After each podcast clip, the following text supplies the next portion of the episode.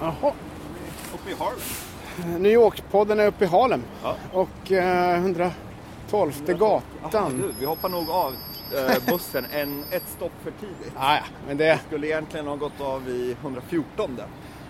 det, är- det är en frisk, brisk walk som det Håller den här grejen, jag ska knäppa jackan här i vinterkylan. Yes. Eh, kan jag- vad gör vi här då? Eh, Nu är Eh, det Harlem. Ja, vi, vi har ju utlovat ett Harlem-avsnitt Har vi det? Okej. flera gånger, tror jag. Så... Vill du hålla den? Ska jag- Ja, du kan ta den. Så det, det är det vi, vi ska försöka klara av nu på något sätt. Mm.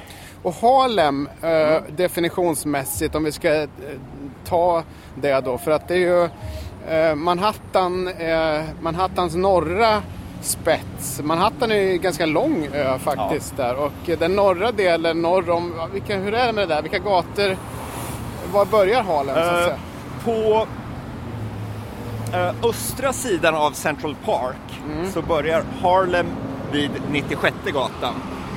Okej, På västra sidan så börjar den vid 110. just det. Så Och då det, är är, det, det är liksom två olika gränser där. just det. Sen Och går den ju ända upp till... det är väl nästan 200 gator va? Ja, det, det, det finns ju vissa... Det finns ju områden som Washington Heights och allt vad det heter. Men det, man kan väl ge allt upp norröver ända upp till eh, ja, floden, till gränsen till The Bronx.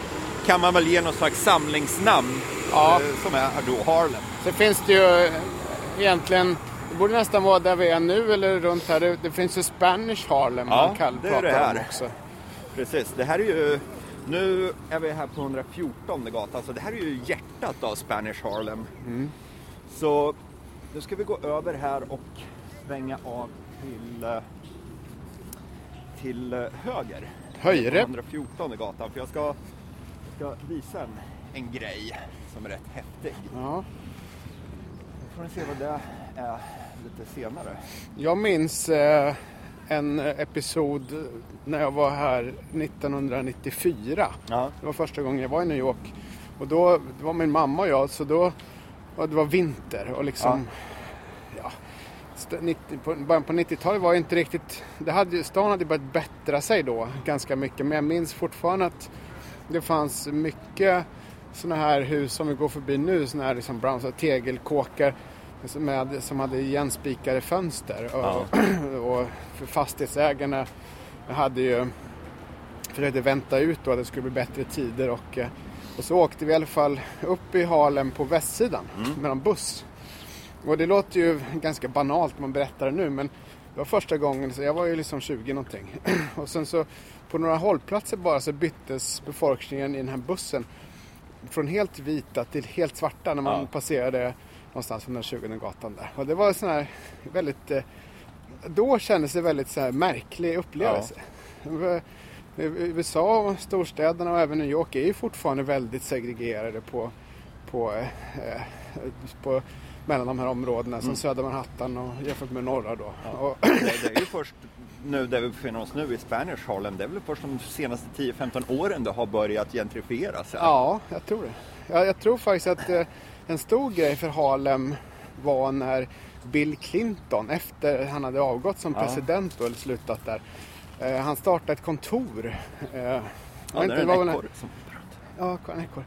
Eh, Clinton Foundation var det väl något sånt där. Han eh, satte upp sitt kontor då med sin stab och det där i Harlem. Och det eh, gjorde att den delen av, av Harlem började... Ja, hyrorna gick upp och det började komma upp vanliga affärer och sånt där som inte fanns tidigare. Liksom. Här, nu har vi kommit fram till det här stället, Ja. Rayos. Rayos. Och anledningen till att, vi, att jag ville ta med dig hit, den här restaurangen är den restaurangen som är svårast i hela USA att få bo på. Är det sant? Så det är en liten italiensk restaurang. Den har legat här ända sedan Harlem var italienska kvarter. Jaha. Var början på 1900-talet. Då var det italienska immigranter som bosatte sig här. Så det var ju, det snackades ju italienska här på gatorna. Och Rayos genom åren, nu är det tredje generationen som äger den. Mhm. Eller fjärde kanske till och med. Men det har blivit en så här riktig institution. Så för att komma in här så måste man känna någon. Jaha. Det, och jag har faktiskt varit här en gång för jag känner någon. Jaha. Och det är en uh, polare, han är, vad är han, Så jag är 64-65 nu. Han jobbar in, in New York uh, State Government. Jaha. Så han uh, lyckades få in oss här. Och det här är så här ställe, de har ingen meny, Nej.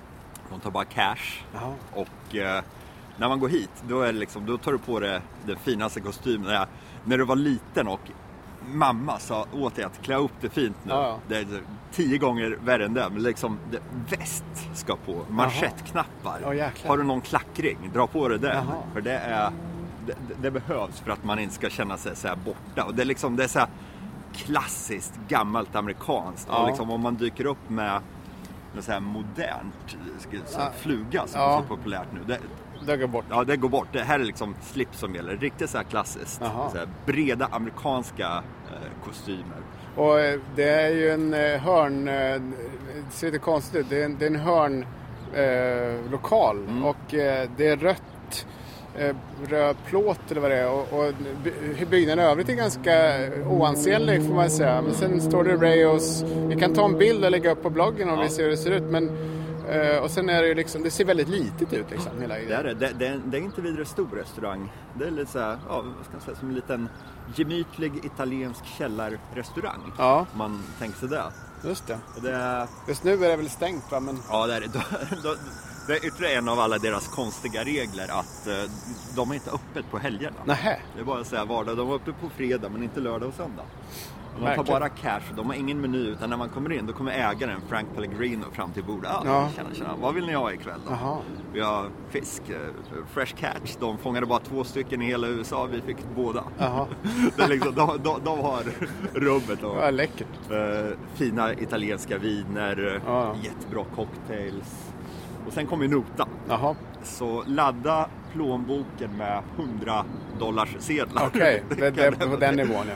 Det är dyrt alltså. Det är, det är så här once in a lifetime grej. Ja, För coolt. det är liksom det är så här ställe och när man går in där kan man se Mike Bloomberg sitter vid Ja, just bordet. Derek Jeter, Woody Allen sitter Ja. där. Och Längre bort i hörnet sitter Bill Clinton och kört in från Chappaqua för att Ja, käka. det. Så det är det här lilla oansenliga hörnet, det är den restaurang som är svårast i Vad hela coolt. USA att få bo på. Ha den här, ska jag ta en bild Ja. här då. Måste vi måste vi dokumentera det. Jag vet, jag har pratat om den där tidigare men Ja, det är kul att se den. Jag, hade, precis. jag Och, trodde att det, var, att det skulle se mer fans ut. ja, nej, nej, nej. Den, den ser inte fancy ut alls. Och det som är så häftigt är ju att det, det, det är det jag tycker är så häftigt, att den är så oansenlig. Ja, visst. Men det sägs så här att det här lilla hörnet på 70-80-talen när New York var som hårdast. Ja. Då kunde man liksom köra upp här, parkera bilen, lägga plånboken på sätet, lämna nycklarna i låset men ingen snodde någonting. Nej. För då, det, då var det liksom maffia Ja, eh, connections Ja. där inne. Och det är det väl än idag. Det är, jag tror det är lite mafioso-stuk där inne. Men eh, det, det, det är ju en, eh, som du sa, som du sa på 70 och 80-talen så var ju det här, alltså delar av, eh, ja inte bara i Harlem för all del, men du, alltså, vi har ju pratat om Red Hook och massa sådana, Mm. men alltså det var ju nästan förenligt med livsfara fara om man får gå igenom de här områdena. Jag vet, eh, så, jag har sett, det finns filmer och man har pratat med folk som bodde i, i The Bronx och Harlem då. Alltså visst, det var hela bostadskvarter som var, det såg ut som, som kriget helt enkelt. Det var Ja. utebrunna hus och det var den här crack-epidemin då som men det har ju verkligen förändrats sen. Så här uppe är det ju fint nu liksom. Här sitter en pitbull vid Ja, ser väldigt otrevligt ut. Ja, jag är lite rädd för Men en tröja på sig hade han. Nu går vi alltså, nu ska vi se vilken gata var det här? 114? Eh, 104, nu, nu går vi alltså upp för en uh, aveny här som den har lite konstigt namn. Den har nämligen inget nummer. Vi ser när skylt, gatskyltarna kommer upp. Jag tror den heter, vad heter den? Freedom Place eller något sånt. Jaha. Ja, men det, det kommer bli varse. Men anledningen till att eh, vi går upp här, det är för att vi ska ta en titt på gentrifieringen som har hänt här. Mm. Och den här, nu ska vi se, vad står det där på? Pleasant Avenue. Pleasant. Pleasant Avenue befinner vi oss på. Eh, East Harlem och East Harlem har ju gentrifierats de senaste 20 åren. Och East Harlem eh, var ju fram till det här stora köpcentret som vi ska gå till. Eh, när det, innan det öppnade så var det här fortfarande lite ruffiga kvarter. Ja. För det är ju så långt bort ifrån tunnelbana, Buss. Robbet. Så här, för bara fem sex år sedan så var det fortfarande lite ruffigt här. Men så öppnar de det här stora köpcentret precis bredvid floden.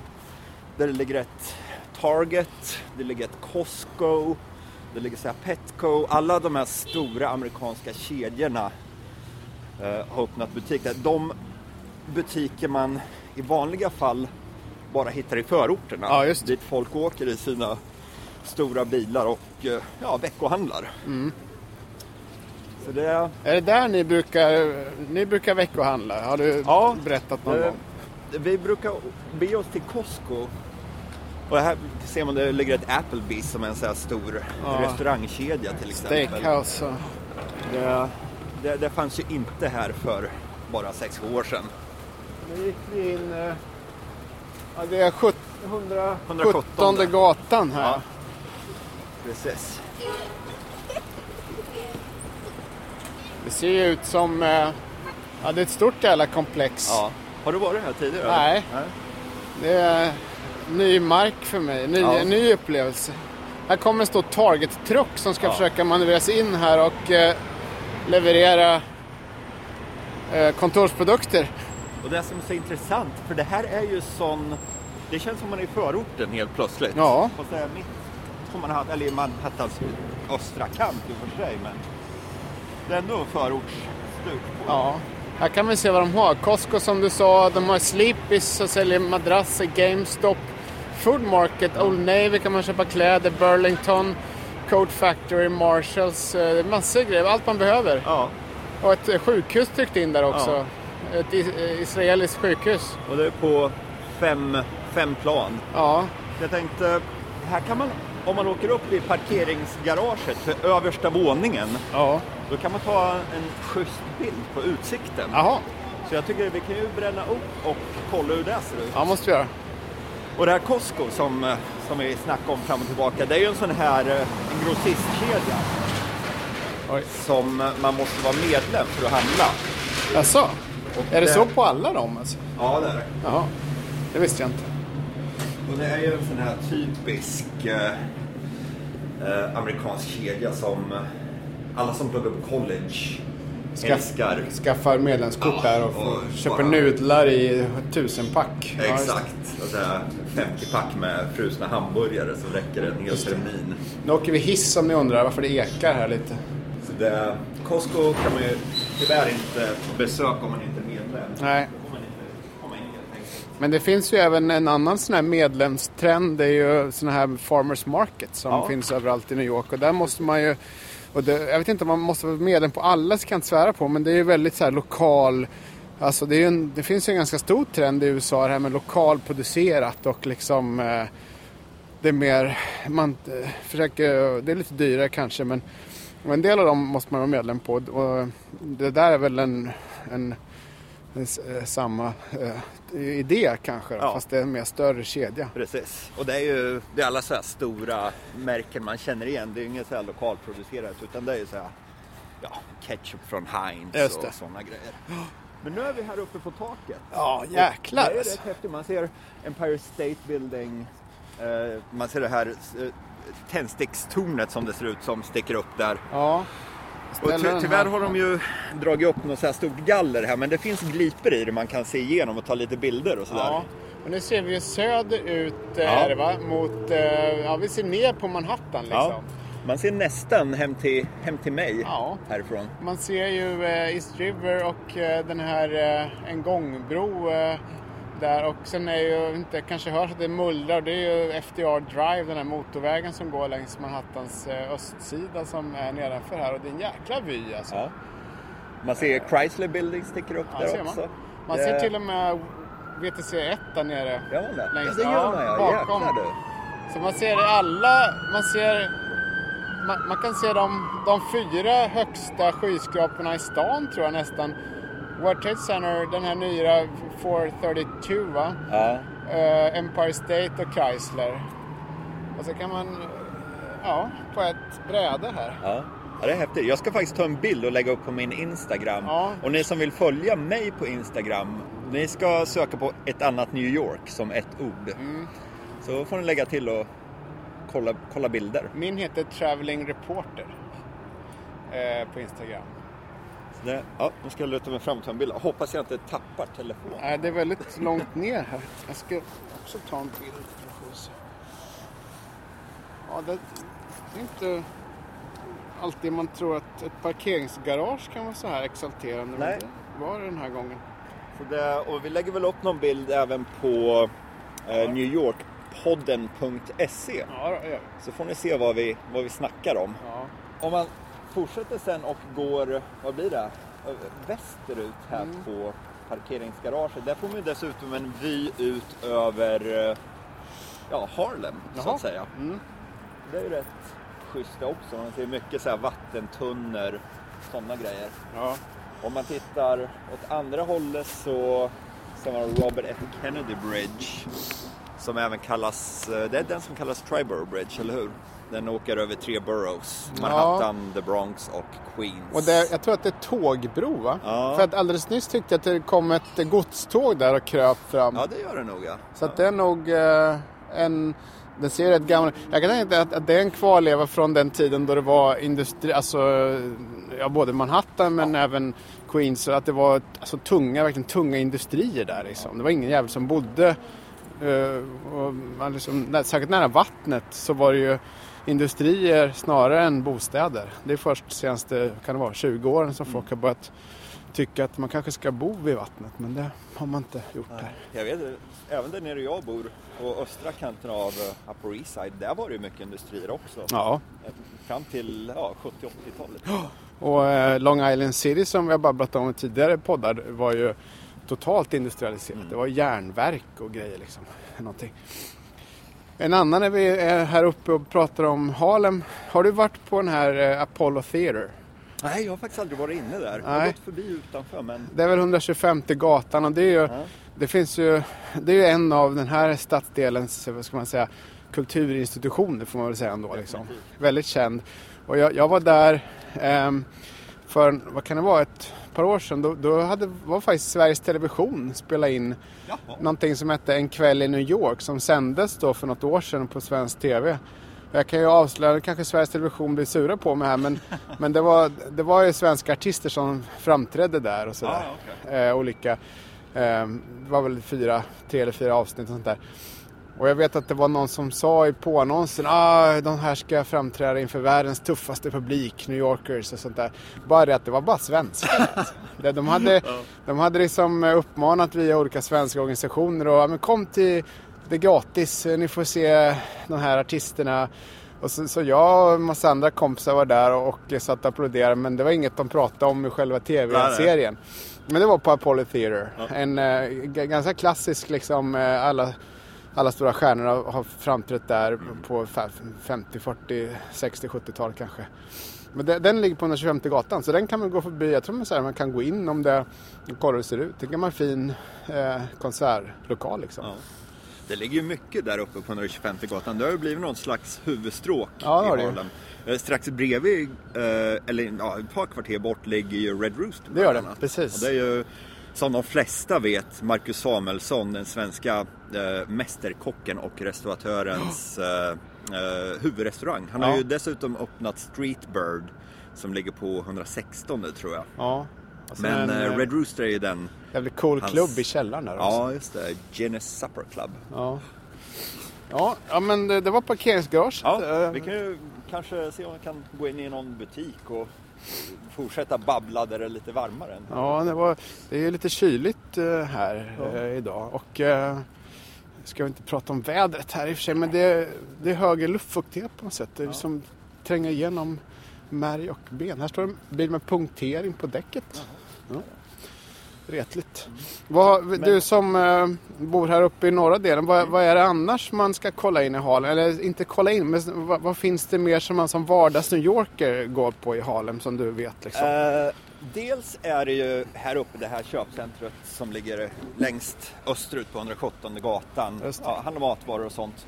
Men även uh, om man, när man beger sig hit på 116 gatan på östra sidan. Mm. En gata söderut. Lite, nästan av, som någon slags restauranggata. Oh, fan. Det finns jättemånga små tacoställen. Uh, billigt är det. Pratade inte du om någon mexikan någon, någon gång mm. som låg där? Taco Mix heter den. Och det, det, får man liksom ta fram så här översättningsappen på telefonen när man ska beställa. För det, ja. det snackas ingen engelska där. Det är väldigt genuint. Ja. Jättegoda tacos. Ska går vi in på Marshalls här. Det är lite så här bara slumpmässigt. Det är, det är mest för att det, vi inte ska frysa ihjäl. Ja, det var lite kall, kallt här men det är ju en klädbutik eh, då. En ja. stor jävla kedja. Precis. Och här har de, eh, här har de lite eh, lite, lite, tan, lite tantmode, kan ja, man säga det? Är det, är det, är det rätt beskrivning? Ja, jag tror de, de har någon så här för yngre människor också någon speciell ja. så här, Just nu är det väl så här, Professional chic står det på en skylt här. Ja. Ja. Ja, Men uh, Red Rooster, om vi ska återvända till det lite. Du har varit där också eller? Oh ja, flera gånger. Vad, vad gillar du mest med Red Rooster? ja, alltså um, uh, om man kollar på menyn så tycker jag att deras paradrätt är köttbullarna. Men så tycker jag liksom att hela stället är ju som trevligt och det är dessutom tidigare i alla fall hängde det bilder på väggarna som en eh, kompis som vi båda känner här Pontus Höök hade plåtat så det var lite kul att kolla på dem. Det var så här lokalt projekt han gjorde där uppe. Ja, det, det är liksom en bra restaurang. Mm. Bra bar och uh, sådär.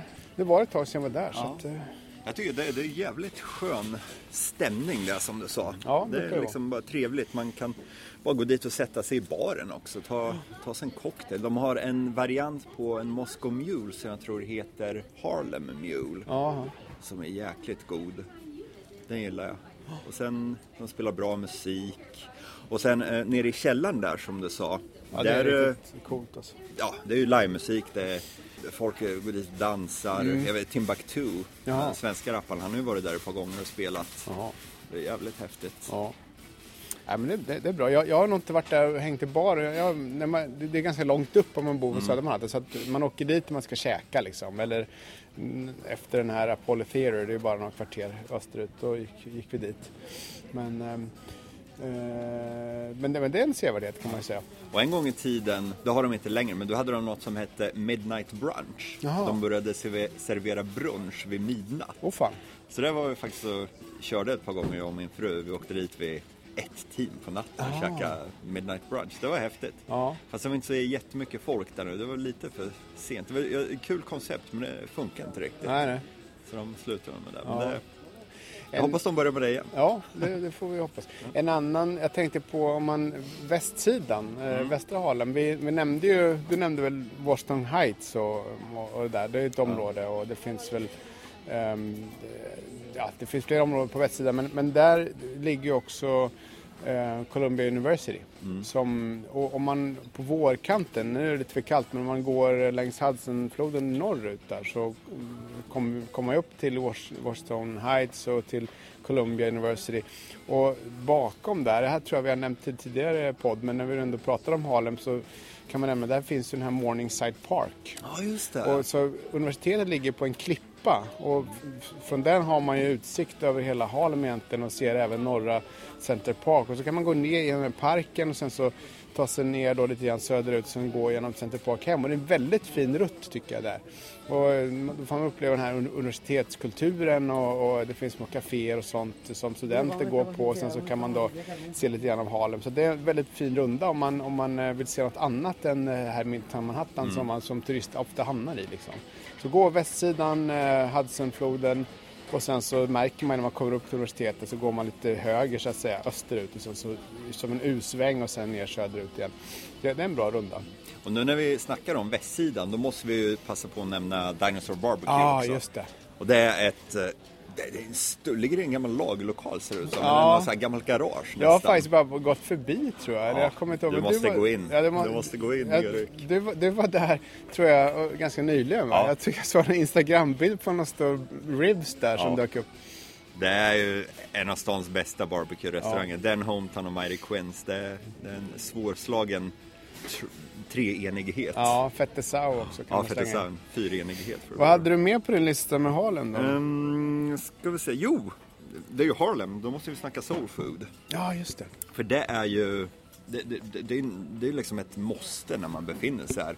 Och soul food för er som inte vet det, det är ju, ja hur ska man förklara det? Afroamerikansk mat som har rötterna i södern. Det är en bra Mm. Ja, eh, det, det, beskrivning. det tror jag man kan säga. Och det är ju väldigt mycket, det är ju så här comfort food. Mm. Det är alltså så här mat med mycket kalorier, man blir mätt, man känner sig Mm. väldigt eh, härligt. eh, Ja, man, man vill bara sätta sig ner och så, så, Ja. Ta det lugnt. Alltså. Det är inga sallader vi snackar om, det Nej, är ingen exakt. sushi. Det är Nej. liksom så här kaloririkt. Det är så här köttfärslimpa och det. Mm. eh, potatismos och brunsås. Sådana grejer. Det gillar Och eh, det, det finns ju, förr i tiden så fanns det ju soulfood-restauranger till höger och vänster här uppe. Dessvärre så har de försvunnit. Jag vet, jag har en gammal arbetskamrat som han växte upp här i Harlem och han är gammal räv. Han är runt 70. Och eh, han sa det att när han var liten, det var soulfood-restauranger överallt. Och det var liksom, det är ungefär som de lokala pizzahaken. Det var folk som bodde i grannskapen som gick dit och käkade. Ja. Men han sa det, många av dem har ju försvunnit, men det finns ju, vissa finns ju kvar. Det är, ju- vissa är ju nyöppnare också, men en av dem jag gillar, det heter Miss Mammy's Spoonbread 2. Och den ligger på västra sidan på 366 West 110th Street. Jaha. Och eh, där kan man bland annat köpa chicken and waffles. Ja, som okej. är en, en, en typisk så här soulfood-rätt som faktiskt uppfanns här i Harlem. Mhm. Det var på 30-40-talet när jazzen började bli stor. Ja, just det. Då alla så här jazzkatter som hade varit ute sent och spelat, då dök de upp till någon soulfo- soulfood-restaurang Mm. och visste inte om de ville ha eh, kvällsmat eller frukost. Nej, just det. Så då en av kockarna, han började fundera, vad fan ska jag göra? Vi tar våfflor, så kör vi fried chicken med det. Oh. Så slog han ihop middag och frukost till chicken and waffles. Självklart. Så det var så den rätten föd- föddes. Och den är, det är ju en ja, typisk Harlem-rätt. Mm. Så det här tycker jag, det, det, det ska man unna sig. Och eh, ja, det, är- det är en konstig kombination som funkar oerhört Mm. bra. Och det kan man bland annat hitta på Miss Mammy's Spoonbread 2 på 366 West 110th Street. Ja, okej. Och ofta när man har käkat eh, så här kaloririk eh, soul food så vill man ha en drink, Det en man. Mm. bira. Och då kan man bege sig till något som heter Beer International. Alltså beer som är med tysk stavning, B-I-E-R. Just det. Bia. Och det är en eh, ölhall som ligger på 2099 Frederick Douglass Boulevard. Och det är ett ganska enkelt ställe. Det är några långbord. Det är lite så här industriell känsla där. Eh, Men de har jäkligt schysst ölutbud och på sommaren speciellt. För då öppnar de, de har så här stora glasdörrar. Öppnar de och så kan man sitta dels inne och sen ute på trottoaren. Så. Det är riktigt härligt sommarställe. Så Beer International om man vill ha öl. Och den här Frederick Douglass Boulevard det har blivit lite av en eh, bargata. För bara något kvarter eller några dörrar söderut så ligger en eh, speakeasy som heter 67 Orange Street. Och hur ska man förklara det? Det, det, det är ett tag sedan jag var där men som det var då så går man in och går in bakom ett sammetsskynke. Där inne gömmer sig baren. Jaha. Och det är en cocktailbar. Ja. Väldigt bra eh, välblandade cocktails. Och, ja, det är mycket, det, det är inga så här fruktjuicer eller Nej, nej. läsk. Nej, inget liksom, utan det är, det är sprit blandad med sprit och sen poppad med lite sprit. Just det, det är den sortens drinkar. Och eh, tydligen så sägs det att eh, på den här adressen som är 2082, alltså 2082 Frederick Douglass Boulevard, så låg det tidigare en riktig speakeasy, alltså en hemlig bar, Ja, det. gång på 20-talet under förbudstiden. Så de eh, försöker föra vidare det här arvet Ja, genom sina, sina Jo, cocktails. för många av de speakeasies som finns som vi, som vi väl eh, också har tänkt göra en podd om någon gång. Det, det är ju liksom, de är ju inte, de, de, det är väldigt få som har funnits eh, orörda sedan 30, 20, 30-talet som du sa. Utan många har ju liksom anammat det här eh, som, en, som en grej liksom. Men, men eh, eh, det där är väl en av dem då som, som eh, jag, jag kom på, jag tänkte tipsa om en bok som jag håller på att läsa nu. Ja. Ja, det, den är faktiskt skriven om en, eh, den heter The Savage City. Det låter ju Okej. lite sådär. Men den är skriven av en tjomme som heter TJ English, eh, New York Times bestseller. Och jag har inte läst klart den. Men eh, den handlar inte enbart om Harlem, men, men den handlar om ganska mycket eh, om Harlem. Och anledningen är att den handlar om Alltså de här väldigt eh, dramatiska åren liksom från kan man säga mitten av ja, eller 60-talet fram till slutet på 70-talet ungefär. Det var ju så otroligt mycket som hände då. Liksom. Det var kravaller, det var liksom eh, för den delen månfärden men det handlar inte den här om så mycket. Men den handlar ganska mycket om NYPD, alltså New York-polisen.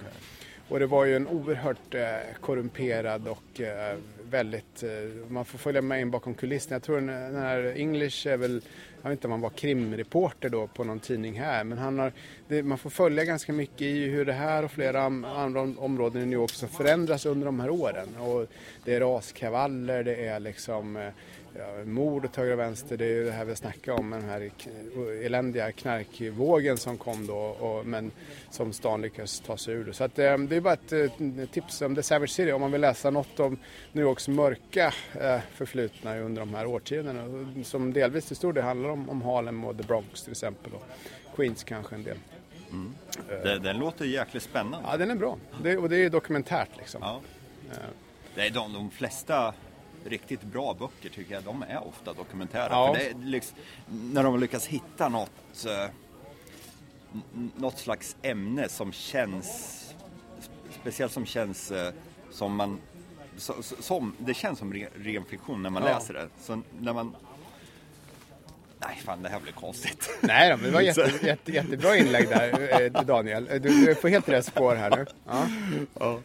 Nej men det, det ja nej men det, dokumentära böcker är precis. riktigt bra. Ja, alltså. just det. Eh, Du, en, en helt annan grej som jag tänkte att du kanske vet. Eh, Vi har ju varit på såna här mikrobryggerier tidigare Mm. och snackat om det. Finns det något sånt i Harlem? Vet vi det? Eh, ja, det finns ett som heter eh, Sugar Hill Brewery. Jaha. Men om de har ett tasting room, det vet jag faktiskt Nej. inte. Sugar... Vad sa du? Sugar... Sugar Hill. Ja, ja. För det, det är ju något, eh, någon sån här liten, eh, eh, något litet område här uppe som heter Sugar Hill. Ja. Så. Men ett förslag är att du tittar på din barlista du har där och sen så försöker du gå och hitta en Sugar Hill liksom. Mm. Ja, Och, och smaka av den. det tycker jag definitivt. Det är ju lördag ju- liksom. ja. Så att, vad kan gå Beer fel där? liksom? International verkar ju som de kan mycket väl ha Sugar Hill. Ja. Navigera dit då helt Ja, enkelt. då tackar vi för oss och vi hörs igen om två veckor. Jajamän. Ha det bra. Hej då! Hej. Ja, satt som en keps. Det är första podden på från en Marshall. Ja. Det är det.